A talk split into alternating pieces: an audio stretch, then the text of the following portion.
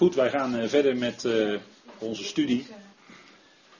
En u ziet dat de dingen zijn die hier genoemd worden in die brieven, die bijzonder actueel zijn eigenlijk. Hè, als je het zo, de lijntjes nu al in de wereld, als je daarin verdiept, dan uh, wordt het allemaal steeds duidelijker. Het wordt steeds duidelijker hè, onder welk beslag de dingen zitten. Hè. Gaat u maar eens naar onder welk beslag de amusementsindustrie zit in Amerika, Hollywood. Wat denkt u van de muziekwereld? Onder welk beslag dat zit? Dus huiveringwekkend. En het wordt steeds erger. Het is echt huiveringwekkend. Maar goed, dat is wat uh, uit een bepaalde. Dat komt uit een bepaalde beker, komt dat. En dat is de beker die die vrouw heeft in Openbaring 17. Daar komt het allemaal uit. Vergis u zich niet hoor. Zo liggen die zaken. Goed. En we zien dus in openbaring, waar ik daarnet voor de pauze al even op wees, dat de verschrikkelijke plagen en natuurrampen van de eindtijd, die zullen wij gaan ook bespreken in, in, aan de hand van openbaring natuurlijk. Hè. En het is ontzettend wat er allemaal gaat gebeuren. Het is huiveringwekkend. Maar ook dat zal niet leiden, en dan ziet u hoe hard de mensen zijn, hoe hard de nekken dan zullen zijn, dat ze zich niet willen bekeren, dat ze niet willen omkeren. Het leidt niet tot omkeer van de mensen. De leer van Biliam wordt staatsreligie. De leer van Biliam wordt dan staatsreligie. Denkt u erom? En niet alleen in Israël. Maar tot wereldwijd zal het opgelegd worden. Wereldwijd. Kijk, Petrus die zegt daar iets over. Want het is, dit is iets, een punt hè, wat, wat steeds weer terugkomt. We zien het dus in de brieven. Komt het steeds weer terug. Hè? De leer van Biliam. De leer van de Nicolaïten. De werken van de Nicolaïten. De vrouw Izebel. En je ziet dat, dat Petrus erop wijst, hè, in Petrus. En Judas wijst er ook op. We gaan, we gaan lezen, we gaan lezen. 2 Petrus 2, dan kunt u het zelf zien. Hè. Want dit zijn de dingen dus die in de eindtijd gespeeld. En dan zie je ook waar die brieven voor bedoeld zijn. Die zijn niet voor vandaag, die zijn voor de eindtijd. Straks, als wij weg zijn. daar schrijft Petrus ook op. En dan staat er in 2 Petrus 2, vers 15. En dan lees ik even, het is niet prettig om te lezen, maar ik lees toch even vanaf vers 12. Eh, dan kunt u een indruk krijgen hoe dat dan in die tijd toegaat. Maar deze mensen, lasteren wat zij niet kennen, als redeloze dieren, geboren met de natuur om gevangen te worden en te gronden te gaan. Zij zullen in hun verdorvenheid ten verderven gaan. En zij die een zwelgpartij overdag als een genot beschouwen, zullen het loon van de ongerechtigheid ontvangen. Schandvlekken en smetten zijn het, die zwelgen in hun bedriegerijen, als zij met u de maaltijd gebruiken. Hun ogen zijn vol overspel en zondigen onophoudelijk. Zij verlokken onstandvastige mensen en ze hebben hun hart geoefend in hebzucht. Kinderen van de vervloeking zijn het. Zij hebben de rechte weg verlaten en zijn verdwaald en volgen de weg van Biliam, de zoon van Beor, die het loon van de ongerechtigheid lief had. Maar hij heeft de bestraffing voor zijn overtreding gekregen. Het stomme lastdier dat met een mensenstem sprak, heeft de dwaasheid van de profeet verhinderd. Nou, die geschiedenis kent u, hè, het numeri. Dat de engel van de Heer hem tegenkwam. He, kon hij niet verder tussen die muren. Maar u ziet hier in die beschrijving, dit zijn dus de afvallige Joden die hier beschreven worden. Want Petrus schrijft dit hè, aan zijn Joodse medegenoten, aan zijn volksgenoten. Hè. En hij schrijft hier over de afvallige Joden. Die dus heel bewust afgevallen zijn van JW. En heel bewust, en was, dat is niet vrijblijvend, want heel bewust dienen zij iemand anders. En u weet dan wie ik bedoel. En dat heeft dit tot consequentie wat we in deze verse gelezen hebben. En dit zal dan dus in de eindtijd, dat is een ontzettende, zal opgelegd worden. Als staatsreligie. Notabene. Dat is wat, dat is wat. Maar denk erom dat deze dingen die hier beschreven worden, ja dat gebeurt vandaag aan de dag ook hoor. Gebeurt vandaag aan de dag ook, ongelooflijk. En op een schaal, daar heeft u geen idee van. Maar Judas spreekt daar ook over. We gaan even naar Judas. Die spreekt daar ook over.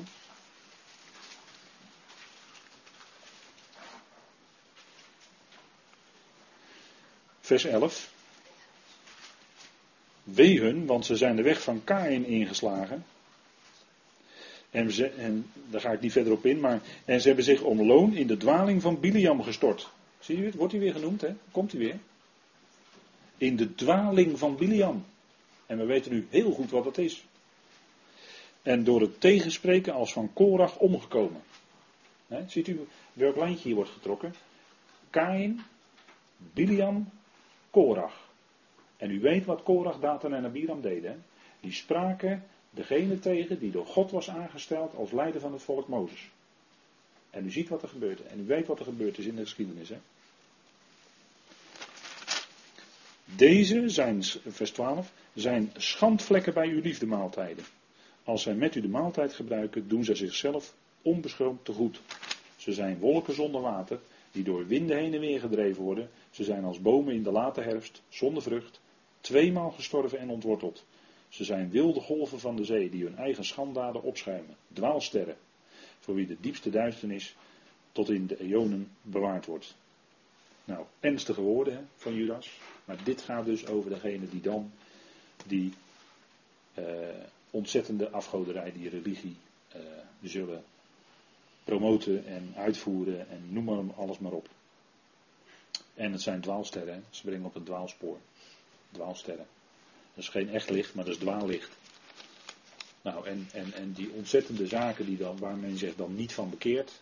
Nou, dat lezen we bijvoorbeeld in openbaring 9, hè, vers 20 en 21. En dan wordt voor u duidelijk hoe ernstig het dan allemaal is, straks in die eindtijd. En waarvoor wij dan genadig bewaard worden. Hè? Want dan kan ik echt wel zeggen, God zij dank, worden wij daarvoor bewaard. Hè? Dat meen ik dan voor de vol, echt voor de volle 100%. Maar kijk maar wat, hoe hardnekkig de mensen dan zijn. Hè? Vers 20, openbaring 9, vers 20. En dan zijn er ontzettende gerichten en er gebeurden ontzettende dingen. En de overige mensen die niet door deze plagen werden gedood, dus daar worden velen wel gedood, bekeerden zich niet van de werken van hun handen. Zij bleven de demonen aanbidden. En de gouden, zilveren, koperen, stenen en houten afgoden die niet kunnen zien, horen of lopen. En bekeerden zij zich niet van hun moorden, van hun tovenarij, van hun ontucht en het plegen van diefstal. Nou, onvoorstelbaar hè. Maar wat is, wat is eigenlijk het centrale gegeven hier? Zij bleven de demonen aanbidden. En dat heel openlijk. En het gebeurt vandaag de dag op grote schaal al. Maar dan zal het op nog veel grotere schaal gebeuren. En u ziet de ontzettende uitwerking die dat heeft. Dat, ze, eh, dat het leidt tot allerlei eh, ontaarding. Dat het leidt tot allerlei uitspattingen en noem, noem alles maar op. Hè. Dat, en zij keren zich niet om, ondanks dat er dan door de plagen heel veel gedood zullen worden in die tijd. Maar dat zullen we nog gaan zien in uh, openbaring 9 onder andere. En we trekken die lijn dan even door naar openbaring 17. Openbaring 17. En daar gaat het over die vrouw die daar zit op vele wateren. dat is het ultieme, zou ik bijna willen zeggen, het ultieme afvallige Israël. Openbaring 17, vers 1. En er staat een, een van de zeven engelen die de zeven schalen hadden, kwam en sprak met mij en zei tegen mij: Kom, ik zal u het oordeel over de grote hoer laten zien die aan vele wateren zit. Met haar hebben de koning van de aarde hoerderij bedreven en de bewoners van de aarde zijn dronken geworden van de wijn van haar hoerderij. En in de geest bracht hij mij weg naar de woestijn en ik zag een vrouw zitten op een scharlakenrood beest dat vol van godslastelijke namen was met zeven koppen en tien horens. En de vrouw was bekleed met purper, scharlaken, getooid met goud, edelgesteente en parels. En ze had een gouden drinkbeker in haar hand, vol van de gruwelen en van de onreinheid van haar hoederij. Nou, dat bedoelde ik net, dat wat er allemaal uit die beker komt. Hè? En wat uit die beker komt, dat wordt nu onder andere door de amusementsindustrie uitgegoten over de mensheid. En dat is, dat heeft als achtergrond in feite die vrouw die hier beschreven wordt. De afvallige Israël. Want die heerst, hè? er wordt hier een koningsbeschrijving gegeven. Ze is eigenlijk koningin, want ze is gekleed met purper. Koningskleur, hè? Scharlaken. Heeft ook te maken met koningschap, met macht. Hè? Rood. En getooid met goud, edelgesteente en parels. En ze had een gouden kelk. Dat, zij is dus steenrijk. Begrijpt u? Zij is steen en steenrijk. En vanwege die rijkdom heeft zij macht over de koningen van de aarde. Want er staat ook van deze macht dat hij een koninkrijk heeft. Dat is vers 17, meen ik. Dat heb ik wel eens vaker aangehaald. Want dat is natuurlijk symboliek, hè, dit, de symbooltaal. Johannes zag het in de visioen. Maar wat het werkelijk voorstelt is. Dat staat daar in vers, uh, vers 18. En de vrouw die u hebt gezien is de grote stad. Die de koninklijke heerschappij heeft. Of voert. Over de koningen van de aarde. Dus er staat, zij heeft een koninkrijk. Over de koningen van de aarde. Dus de totale opperheerschappij over alles. En dat is met de macht van goud, van bezit, van geld. Steenrijk. En zo voert ze die heerschappij. En, uh, nou goed, daar zullen we in de toekomst wellicht nog uh, wel veel meer over, uh, is daar veel meer over te zeggen. En dan wordt het plaatje echt wel duidelijk hoor. En dan openbaring 18 vers 3. Daar wordt ook diezelfde lijn even doorgetrokken hè, van die Izebel, leer van Biliam enzovoort. En er staat van in openbaring 18 vers 3, want van de wijn van de toren van haar hoererij hebben alle volken gedronken en de koningen van de aarde hebben hoererij met haar bedreven en de kooplieden van de aarde zijn rijk geworden door de kracht van haar losbandig leven. dus die hebben daar deel aan gekregen en zijn daardoor ook rijk geworden. Maar dat is maar, vaak maar een fractie van de rijkdom die ze bezit. En vandaar dat het gericht komt over Babylon. Over Babylon.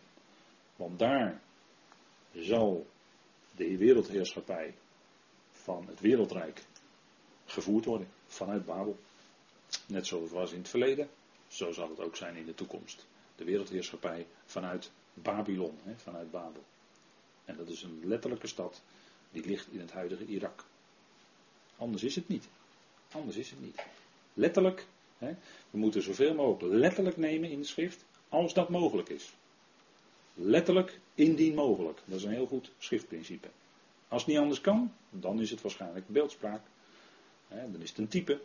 Maar in principe moet je uitgaan van de letterlijke betekenis altijd. Nou, hier gaat het om een letterlijke stad. Een letterlijke stad van waar de heerschappij in het verleden was. En die zal in de toekomst ook zo zijn. En daar heeft het afvallige volk alles mee te maken.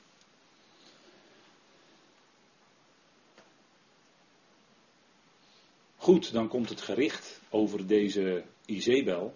Dan gaan we terug naar openbaring 2, vers 22.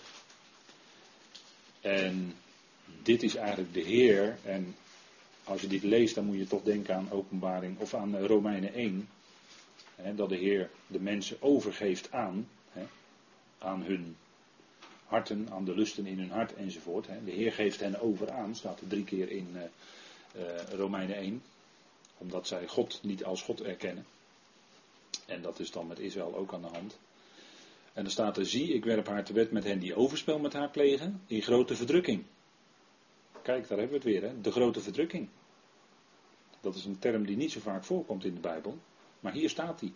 Hè? In grote verdrukking. Dus is een duidelijke heenwijzing ook naar de tijd waarin dit zich afspeelt. De grote verdrukking. Anders zou het hier niet zo staan, lijkt mij. Hè? In grote verdrukking. Dat zal ook het gevolg zijn van hun daden, hè? van de zonde die zich in hoge mate opstapelt op dat moment. En dan komen ze in grote verdrukking. Als zij zich niet bekeren van hun werken. En er zullen er heel wat zijn die zich dan niet bekeren van hun werken. Ontzettend. Ontzettend. Dat zijn de, de Israëlische aanbidders van het beest. Daar hebben we het steeds over. Uh, dit is uh, uh, natuurlijk ook in, in, in, als uitbeelding gesproken wat dan speelt hè, met dat hele volk. En speelt dan kennelijk ook in die gemeente. Nou, dat is heel erg. In grote verdrukking. We weten dat het de tweede helft is van de laatste jaarweek van Daniel. Hè. Die wordt echt zo letterlijk genoemd. De grote verdrukking. Door de Heer Jezus wordt die aangewezen. Hè. In Matthäus 24. Nou, zo zal het zijn. Hè. Ontzettend. En in het verleden was het dus zo, bij Nebukadnezar werd er ook een beeld opgericht. En dat was een voorafschaduwing, om het zo maar te zeggen. Zij moesten dan dat beeld aanbidden en zo niet, ja, dan kwamen ze in de vurige oven terecht, weet u wel. Nou, zo zal het ook dan zijn. Dan zal het verplicht aanbidden zijn en als ze het niet doen, worden ze gedood. Met het zwaard of met uh, de bijl. Hè? De bijl staat er dan in Duits. Vers 23. En haar kinderen zal ik door de dood ombrengen. He, dus de Heer die gericht hier uitvoert. De Heer oefent gericht uit.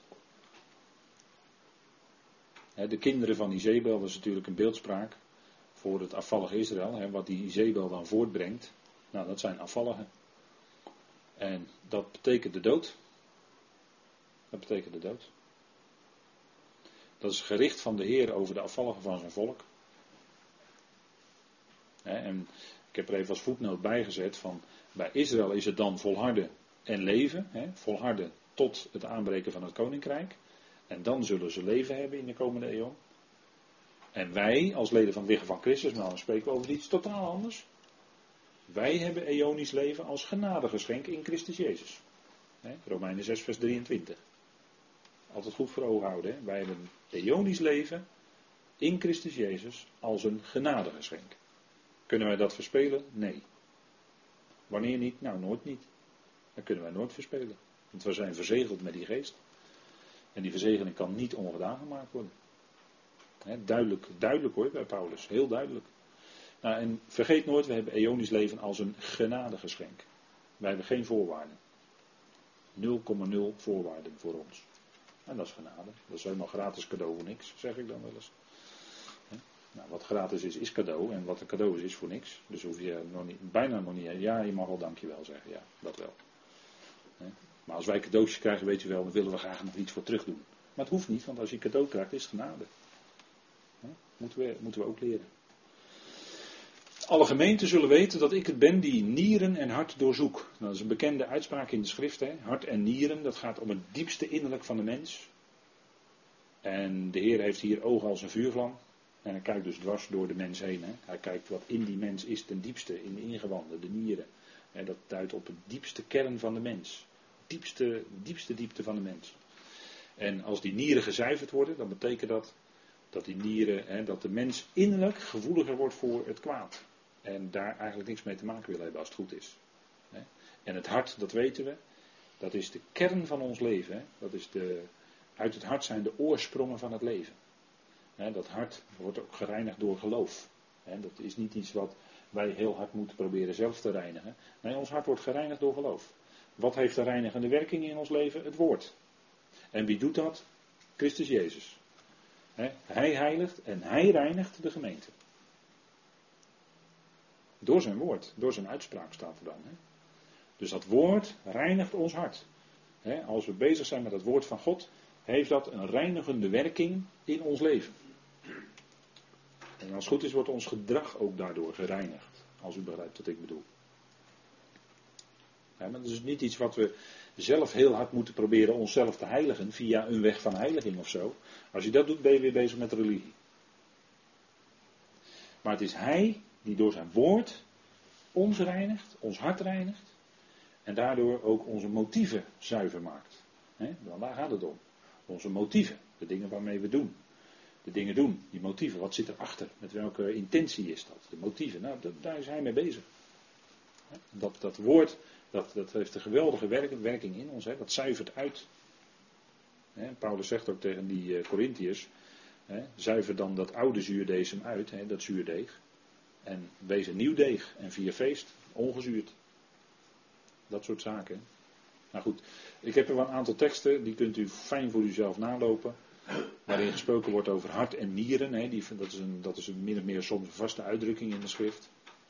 En hier komt hij dan nog een keer terug in openbaring. Ik ben het die nieren en hart doorzoek. Zijn ogen kijken dwars door ons heen. Hè, kijken dwars in de mensen. En dan is dat werking van gericht. En wij, wij leven in genade. Dat blijft altijd staan. Hè. Wij leven in genade. Wij leven niet in wet, maar wij leven in genade, zegt Paulus. Nou, zo is het ook. En dat blijft zo.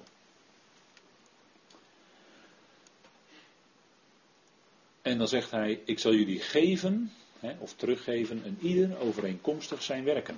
Nou, dat is een algemeen principe.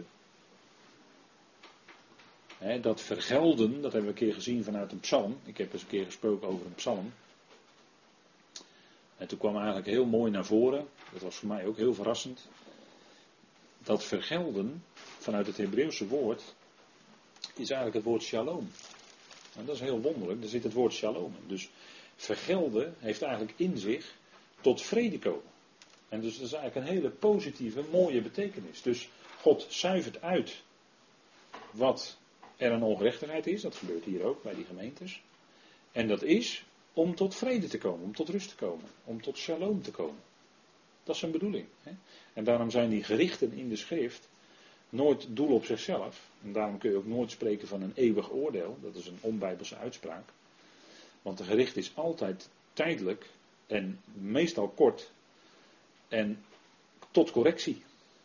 Een gericht is altijd tot correctie. Is nooit, een gericht is nooit een doel op zichzelf. Maar in de schrift is een, God doet het altijd heel kort en snel en hevig.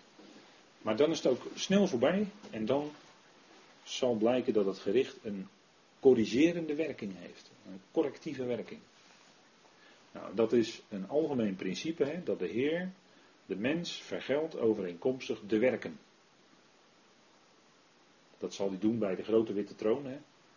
Daar komen alle werken van de mensen aan het licht. De werken worden daar geopenbaard. Als de boeken opengaan, hè, de boekrol van het leven, en er gaan nog meer boeken open daar. Maar dan worden de mensen die daar komen, wij niet hoor, wij komen niet voor de grote witte troon. Dan zijn we al lang, eh, dan zijn wij uh, aan de andere kant, om het zo maar te zeggen. We staan aan de andere kant.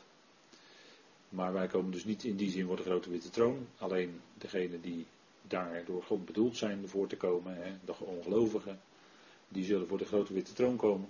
En die zullen, zullen daar gericht worden in overeenstemming met hun werken. En in overeenstemming met het evangelie van Paulus. Paulus zegt in Romeinen 2, naar mijn evangelie. Dus dat gericht zal zijn bij de grote witte troon in overeenstemming met het evangelie van Paulus. Zo zegt hij dat. Is daar ook een soort redding nog bij die grote witte troon? Er staat alleen dat degene die niet bevonden geschreven te zijn in het boek des levens, dat die in de tweede dood gaan. Dat staat er. Dus daar staan ook mensen die misschien niet in de tweede dood gaan. Dat weet ik niet, daar ben ik nog niet helemaal uit. Nee. Goeie vraag, maar ik, ik kan alleen maar zeggen, dat, dat staat er geschreven en ieder wordt overeenkomstig beoordeeld naar de werken. En dan zullen ze ook in de tweede dood geworpen worden. En er staat alleen bij het boek des levens staat nog iets aparts. Maar daar komen nog op het boek des levens. Dat is natuurlijk een apart, apart boek. Komen nog op. Maar goed, dit is. En ik heb hier op deze dia ook een bloemlezing gegeven van uh, teksten waarin dat voorkomt, hè, dat principe. Uh, ieder overeenkomstig de werken. En dan ziet u ook 2 Korinthe 5, vers 10. Maar dat is de Bema. En daar kunnen wij nooit veroordeeld worden op de Bema. Daar worden wij gericht. dat, is een, is een vorm van richten, maar dat is niet een oordeel. Want wij kunnen daar nooit veroordeeld worden, want er is geen veroordeling voor hen die in Christus Jezus zijn. Dus wij kunnen nu al niet veroordeeld worden, laat staan daar. En daar zijn we ook verheerlijkt, hè, met een verheerlijk lichaam. Want 2 Korinthe 5 gaat over dat gebouw uit de hemel, wat wij ontvangen. He, daar gaat 2 Korinthe 5 over, dat eerste gedeelte, dat gebouw uit de hemel. Dat is ons uh, nieuwe verheerlijkte lichaam. En in dat nieuwe verheerlijkte lichaam zullen wij daar dan ook staan bij die Bema. Dus er valt niks te veroordelen. Het is alleen de Heer die dan wegneemt wat ons dienstbetoon daarna nog in de weg zou kunnen staan. Zou ik misschien nu voor zo even willen zeggen. Dus geen angstige gevoelens over die Bema, want het is alleen maar, is alleen maar, je bent daar verheerlijkt. Dus er is geen pijn, geen verdriet, geen niks meer ervaar je van dat soort dingen. Alleen je zal er alleen maar blij en dankbaar en vol vreugde mee zijn wat de Heer daar doet. Dat, zo zul je het zien. Daar zul je maar heel blij mee zijn. Het zal alleen maar vreugde zijn daar. Dus tot shalom komen. Vergeld overkomst week. Goed, we gaan gauw verder, want we moeten Tiatira wel proberen af te ronden vanavond. Maar ik zeg tot jullie, tot de rest in Tiatira die deze leer niet hebben, dus de leer van Biliam, die we nu uit de treuren eigenlijk al kennen, hè, die niet de diepten van de Satan kennen. Dat is wat hoor. De diepten van de Satan. Daar heeft het dus mee te maken. Ontzettend. In een enorme tegenstelling. In een enorme tegenstelling. Met wat Paulus zegt in 1 Korinthe 2. Dat de geest doorzoekt alle dingen, zelfs de diepten van God. Maar dat is een heel iets anders natuurlijk. Totaal anders. Dan zijn we hier echt bij de tegenstander, zitten we helemaal aan de andere kant, de diepten van Satan. En vreselijk, maar er zijn steeds meer mensen vandaag de dag mee bezig. Met deze dingen. Het is afschuwelijk wat er gebeurt. Het is echt verschrikkelijk. Maar de leer van Biliam en Izebel dus ook. Hè, dat heeft te maken met de diepten van de Satan. Een afgoderij, maar dan op een gruwelijke manier. Wat daar gebeurt is uh, te schandelijk om ook maar te zeggen, zegt Paulus dan. En dat zullen we dan ook niet doen. Maar het is een gruwel. En het heeft met wat in het verleden was ook, had je ook tempelprostitutie. Hè? Dat was in het verleden al zo. En dat zullen we dan ook weer gaan, hier op aarde, eh, gaan, gaan dat weer allemaal voorkomen. Afgoderij, nou daar, daar, leidt het toe. Maar dat, denk erom, het heeft te maken met de diepten van de Satan. Hè? Onvoorstelbaar. Hoe diep het moet gaan.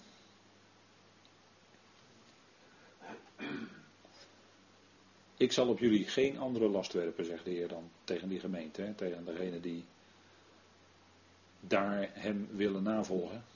En dat is genade, hè, dat hij geen andere last dan alleen dit. Maar wat jullie hebben, houden jullie dat vast, totdat ik eens, en dat eens moet u opvatten als eh, niet ooit, ooit een keer in de toekomst, maar dat eens is, hij zal er zijn. En dat zal een bepaald moment zijn. Hè. Dat wil dat eens hier zeggen. Zal arriveren. En hij zal komen. En hij zal zijn voeten zetten op de Olijfberg, precies op tijd. want als die dagen niet ingekort zouden worden, zou er geen vlees behouden worden, zegt de Heer. Dat weet u in Matthäus 24. Als die dagen niet ingekort werden, en die zijn ook ingekort tot 1260 dagen, dat hebben we al met elkaar vastgesteld. Die dagen zijn al ingekort. Maar als dat niet zou gebeuren, zou er geen vlees behouden worden, moet u nagaan. Nou, de Israël moet volharden tot het einde. Ook zo'n belangrijk principe wat niet voor ons geldt dus als er, als er een prediker komt een deze dagen, die, en u zou die prediker misschien ergens toevallig horen als u ergens in een kerk of in een gemeente komt, en die prediker, u moet volharden tot het einde, weet u, klopt niet, klopt niet. Dat is voor Israël bedoeld. Een voorwaarde om in te gaan in het koninkrijk. Maar hij zal komen. En dat is de hoop. Hè? Heft uw hoofden op, want uw verlossing is nabij, zegt de Heer in Lucas. En zo is het ook. Zo zullen die Joden ook hun hoofden mogen opheffen dan. Zijn voeten zullen daar weer staan, hè, op die Olijfberg. Als die uh, gespleten is, of gaat splijten. Hè, gaat. En dan staat er, Paulus die zegt dan in Romeinen 11, en zo zal heel Israël gered worden. Heel Israël zal dan gered worden, inderdaad. Dat is niet heel Israël van alle tijden, elke, elk lid van het volk wat ooit geleefd heeft. Daar gaat het daar niet om. Maar dan, als hij komt, dan zal heel Israël gered worden. Dan in die tijd, de gelovigen. Die zullen dan daar gered worden. Zoals geschreven staat, uit Sion zal de verlosser arriveren. En hij zal de oneerbiedigheden of de goddeloosheden van Jacob afwenden. dat zal hij doen. Dat zal hij doen. Hij zal het van hen afnemen. dat, is, dat is de hoop. Dat is, ze verwachten hem als de verlosser. als de losser, de grote Goel. Komt hij. zo komt hij voor zijn volk. En dan zal hij ze ook verlossen inderdaad. Van, het, van de tirannie, van het juk, van de vreselijke dingen die dan gelukkig op dat moment voor het Joodse volk voorbij zijn. Nog niet voor de rest van de wereld, maar voor het Joodse volk wel. De rest van de wereld, dat duurt dan nog even. Maar zo zal die komen. Hè? Dat is de hoop, de verwachting die zij dan hebben. En aan die overwint en die vasthoudt aan mijn werken, tot de voleinding, hem zal ik gezag over de natie geven. Dit is weer een belofte aan de overwinnaars. Hè? En de overwinnaars, nogmaals, dat zou je misschien kunnen denken aan onder andere de 144.000. Maar daarover dan later meer in een later hoofdstuk. Gezag is volmacht, hè? Zij krijgen volmacht over de natieën. En de voleinding die hier bedoeld wordt, is het einde van de 70ste jaarweek wat te maken heeft met de volleinding van de boze eon. De, de oogst, zegt de Heer ook in Matthäus 13, is het einde van deze eon. Dat is de oogst. En over de natieën, dus het zal aan Israël gegeven worden. Nog een duidelijke onderstreping dat het hier om Israël gaat. Gezag over de natieën, volmacht over de natieën. Nou, dat kan alleen maar aan Israël zijn. Dus dit kan nooit voor de gemeente liggen van Christus bedoeld zijn. Dat gaat niet. Kan niet, klopt niet. Als je dat denkt. Klopt niet. Kun je, je nooit volhouden. Dus gezag over de natie. Hè? Dat is hun beloofd. En hij zal een hoede met een ijzeren staf, zoals de voorwerpen in de pottenbakkerij worden vermorzeld, zoals ik ook van mijn vader heb verkregen. Nou, dat hoeden met een ijzeren staf over de natie, dat is een bekend gegeven. Dat staat al in de psalmen, psalm 2. u weet wel van degene die in de hemel zit zal lachen. al die volkeren die in opstand zijn, hij lacht erom. De natieën woeden en ze willen het juk, de banden willen ze van zich afwerpen. Ze willen losbandig zijn dus. Nou, dat is helemaal deze tijd. Men wil alle banden, alle normen, alles, moet, alles is afgebroken. Alles moet uh, niet meer in banden, alles moet losbandig. En het is helemaal deze tijd waarin we leven. Het, het, is als in de dagen van Sodom. En wat denkt u? Jeruzalem wordt in de eindtijd genoemd geestelijk Sodom en Egypte. Zo wordt Jeruzalem dan genoemd, hè? Denkt u erom? En dat zegt heel veel hoor, dat het zo wordt genoemd. Maar dat hoeden met een ijzeren roede over de natie, dat is dus aan Israël voorbehouden. En dat geldt dus ook, hè, Psalm 2 wordt dat genoemd, hè, aan de zoon, aan Christus, aan Christus Jezus, hè, wordt dat gezegd. Mijn zoon ben jij. En er wordt gezegd, jij zal hen verpletteren met een ijzeren knuppel. Als een pot van de pottenbanger zal jij hen in stukken slaan. En die belofte wordt doorgetrokken vanuit Psalm 2, hier in openbaring 2, naar de overwinnaars. Dus die zullen met Christus, met die zoon, zullen zij mee dat ook doen, hè, dat regeren over de natie. Het hoeden met een ijzeren staf. En het geldt, als we kijken in openbaring 12, dus ook voor die mannelijke zoon die daar gebaard wordt. En wie is dan die mannelijke zoon die gebaard wordt door die vrouw daar in openbaring 12? De Messias, of misschien bij uitbreiding degene die van hem zijn, hè, die, mannelijke zoon. Dus uh, misschien zou je kunnen denken aan, inderdaad aan die 144.000, onder andere. Maar vanuit openbaring 12, als je deze lijn dus nou vasthoudt, hè, zo, vanuit Psalm 2, en je gaat naar de openbaring 2, dan, dan heb je al te pakken dat het om Israël gaat. En dan ga je naar openbaring 12. Wie is dan die mannelijke zoon? Dat kan nooit anders dan Israël zijn. Of de Heer samen met Israël. Kan niet anders.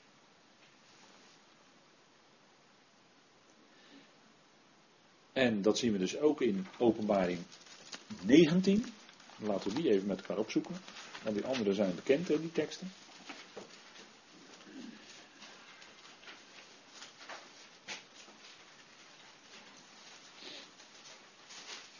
Vers 15. En er staat, en uit zijn mond kwam een scherp zwaard, opdat hij daarmee de heidevolken zou slaan, de natieën. En er zal een hoede met een ijzeren staf. En hij treedt de wijnpersbak van de wijn van de grimmige toren van de Almachtige God. Nou, hier heeft u het, hè. Dat is degene die het woord is. De werkelijke, ware, echte, hè, de, de, de goede ruiter op het witte paard, om het zo maar te zeggen is hier Hij, onze Heer Jezus Christus, die hier op dat paard zit en die oorlog voert tegen die natie. En dan staat er, hij zal hem dus hoeden met een ijzeren staf. Dat geldt dus voor hem en voor degene die hij daarbij betrekt, eventueel. En dat wordt hier dus in openbaring 2 gezegd aan de overwinnaars. dus vanuit alle kanten blijkt dat dit puur te maken heeft met Israël.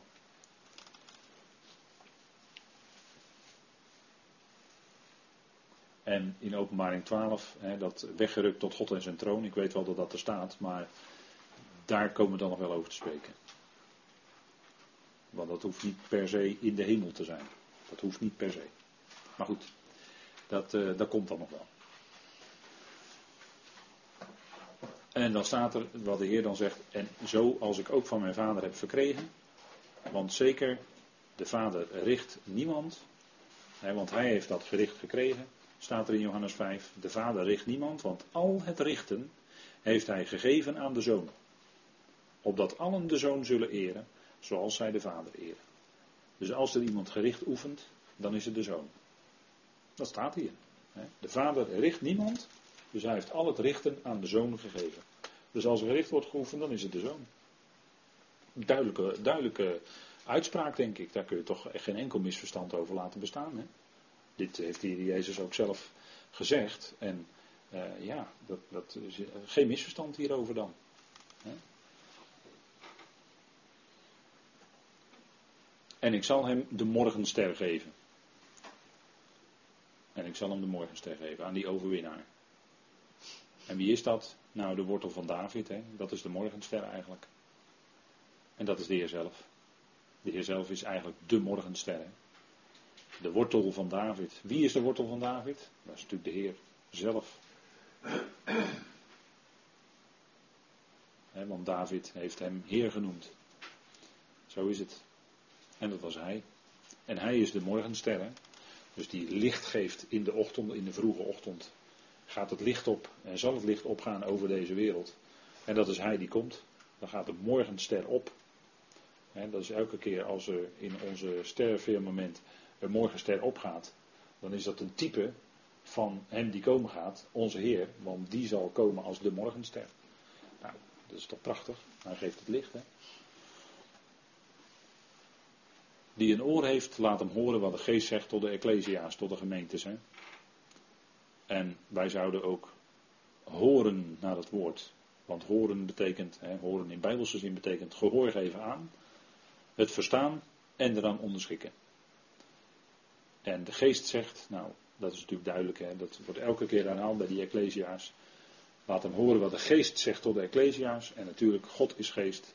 God spreekt zelf door dat geweldige woord door de zoon tot die Ecclesia's. Goed, en dan gaan we de volgende keer verder met de boodschap aan Sardis. Dus ik wil het hierbij laten voor deze avond. Ik denk dat u wel weer heel wat gehoord heeft. En wij zullen qua tijdpad, weet ik niet, een volgende keer, maar ik beloof u dat het uh, wat minder tijd tussen zal zitten dan de laatste keer. Uh, dat, uh, was geloof ik een half jaar of zo. Nou, zo bond hoop ik het niet meer te maken. Maar goed, als er tijd komt, dan hopen we zo spoedig mogelijk weer verder te gaan met deze serie. Goed, zullen wij de Heer danken. Trouw vader, wij danken u dat we ook weer vanavond stil konden staan bij zeer ernstige woorden uit uw woord. Het gericht wat moet komen, vader, en als we ook zien wat er allemaal gebeurt en gaat gebeuren, dan kan het niet anders. Dan moet gericht opkomen. Dat moet, die ongerechtigheid, die moet dan verdreven worden, moet teniet gedaan worden. Vader, in de tijd waarin de zonde zo hoog zal opstapelen, dat het niet anders kan dan dat u in uw verontwaardiging zal ingrijpen. En vader, dank u wel dat u dat snel zal doen en kort. Vader, dat is de, het bijzondere altijd. Vader, als u ingrijpt is het kort. En zult u zaken rechtzetten. En alles vandaag is op zijn kop gezet. Alles is krom.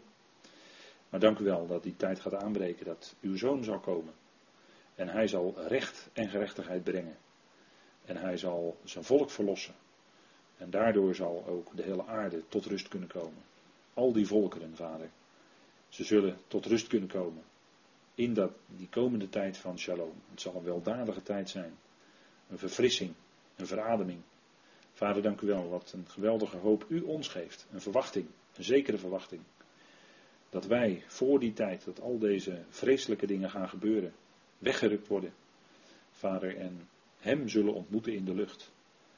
Die onze Heer is en met wie we al zo nauw verbonden zijn. Onlosmakelijk. Vader, dank u wel dat dat moment aanstaande is. Vader, waarin u ons zult verlossen uit ons lijden. Waarin de verdrukking in ons leven voorbij zal zijn. En tot die tijd, vader, bent u nabij. Schenkt u kracht. Vader, vaak ongedachte kracht. Maar u geeft het. Vader, we danken u. We danken u uit de grond van ons hart. Dat u ons voor deze dingen bewaart. En dat u ons zo'n geweldig uitzicht geeft, vader. Zo'n heerlijkheid. Die zo groot is, vader. Wij kunnen dat eigenlijk totaal niet beseffen. Maar wat zal het geweldig zijn, vader, als wij als zonen van u onthuld zullen worden in de schepping. Vader, een enorme heerlijkheid. Vader, dank u wel dat dat wacht. En dat dat al onze verwachtingen ver, maar dan ook ver zal overtreffen. Vader, dank u wel. Van dank u wel voor die genade. Het is niet van onszelf, maar het is alles van u. Het is alleen uw genade, Vader. Dank u wel daarvoor. Dank u wel dat u ons zo aanziet in uw zoon. Zonder vlek of rimpel, zonder smet. Onberispelijk, onbeschuldigbaar. Vader, het is fantastisch. Vader, we danken u dat we ons als gelovigen willen verdiepen in dat geweldige woord van u. En dank u wel dat ook deze ernstige gerichten zullen leiden tot correctie, tot verbetering, tot herstel. Vader, we danken u daarvoor. We danken u voor uw goedheid. Zoals we hier bij elkaar konden zijn. In alle rust. En dank u wel dat u ons een luisterend hart geeft naar het woord van u. Vader, we zien uit naar wat u nog meer gaat geven. En dank u wel dat u ook de komende dagen, de komende weken met ons zult gaan. Vader, u weet wat ons op, op onze weg komt en waar we mee te maken hebben. En dank u wel dat voor u geen probleem te groot is. Dank u wel, Vader, voor die liefde van u. En we bidden ook voor hen die in ons midden ziek, ernstig ziek zijn. We zijn genadig nabij, Vader. U kent de nood, het verdriet, wat er is als er ernstige mededelingen komen. Vader, dank u wel dat we minstens voor elkaar kunnen bidden. En, en die dat betreffen aan u mogen opdragen, Vader, geeft u hen ontspanning toch, rust in hun hart, vrede. Vader, en bedank u ook voor de kindertjes die zijn geboren deze week, dat u alles wel hebt willen maken. Vader, ook dat is er en we danken u daarvoor. We danken u zo voor alles in die machtige naam van uw geliefde Zoon, onze Heer Jezus Christus. Amen.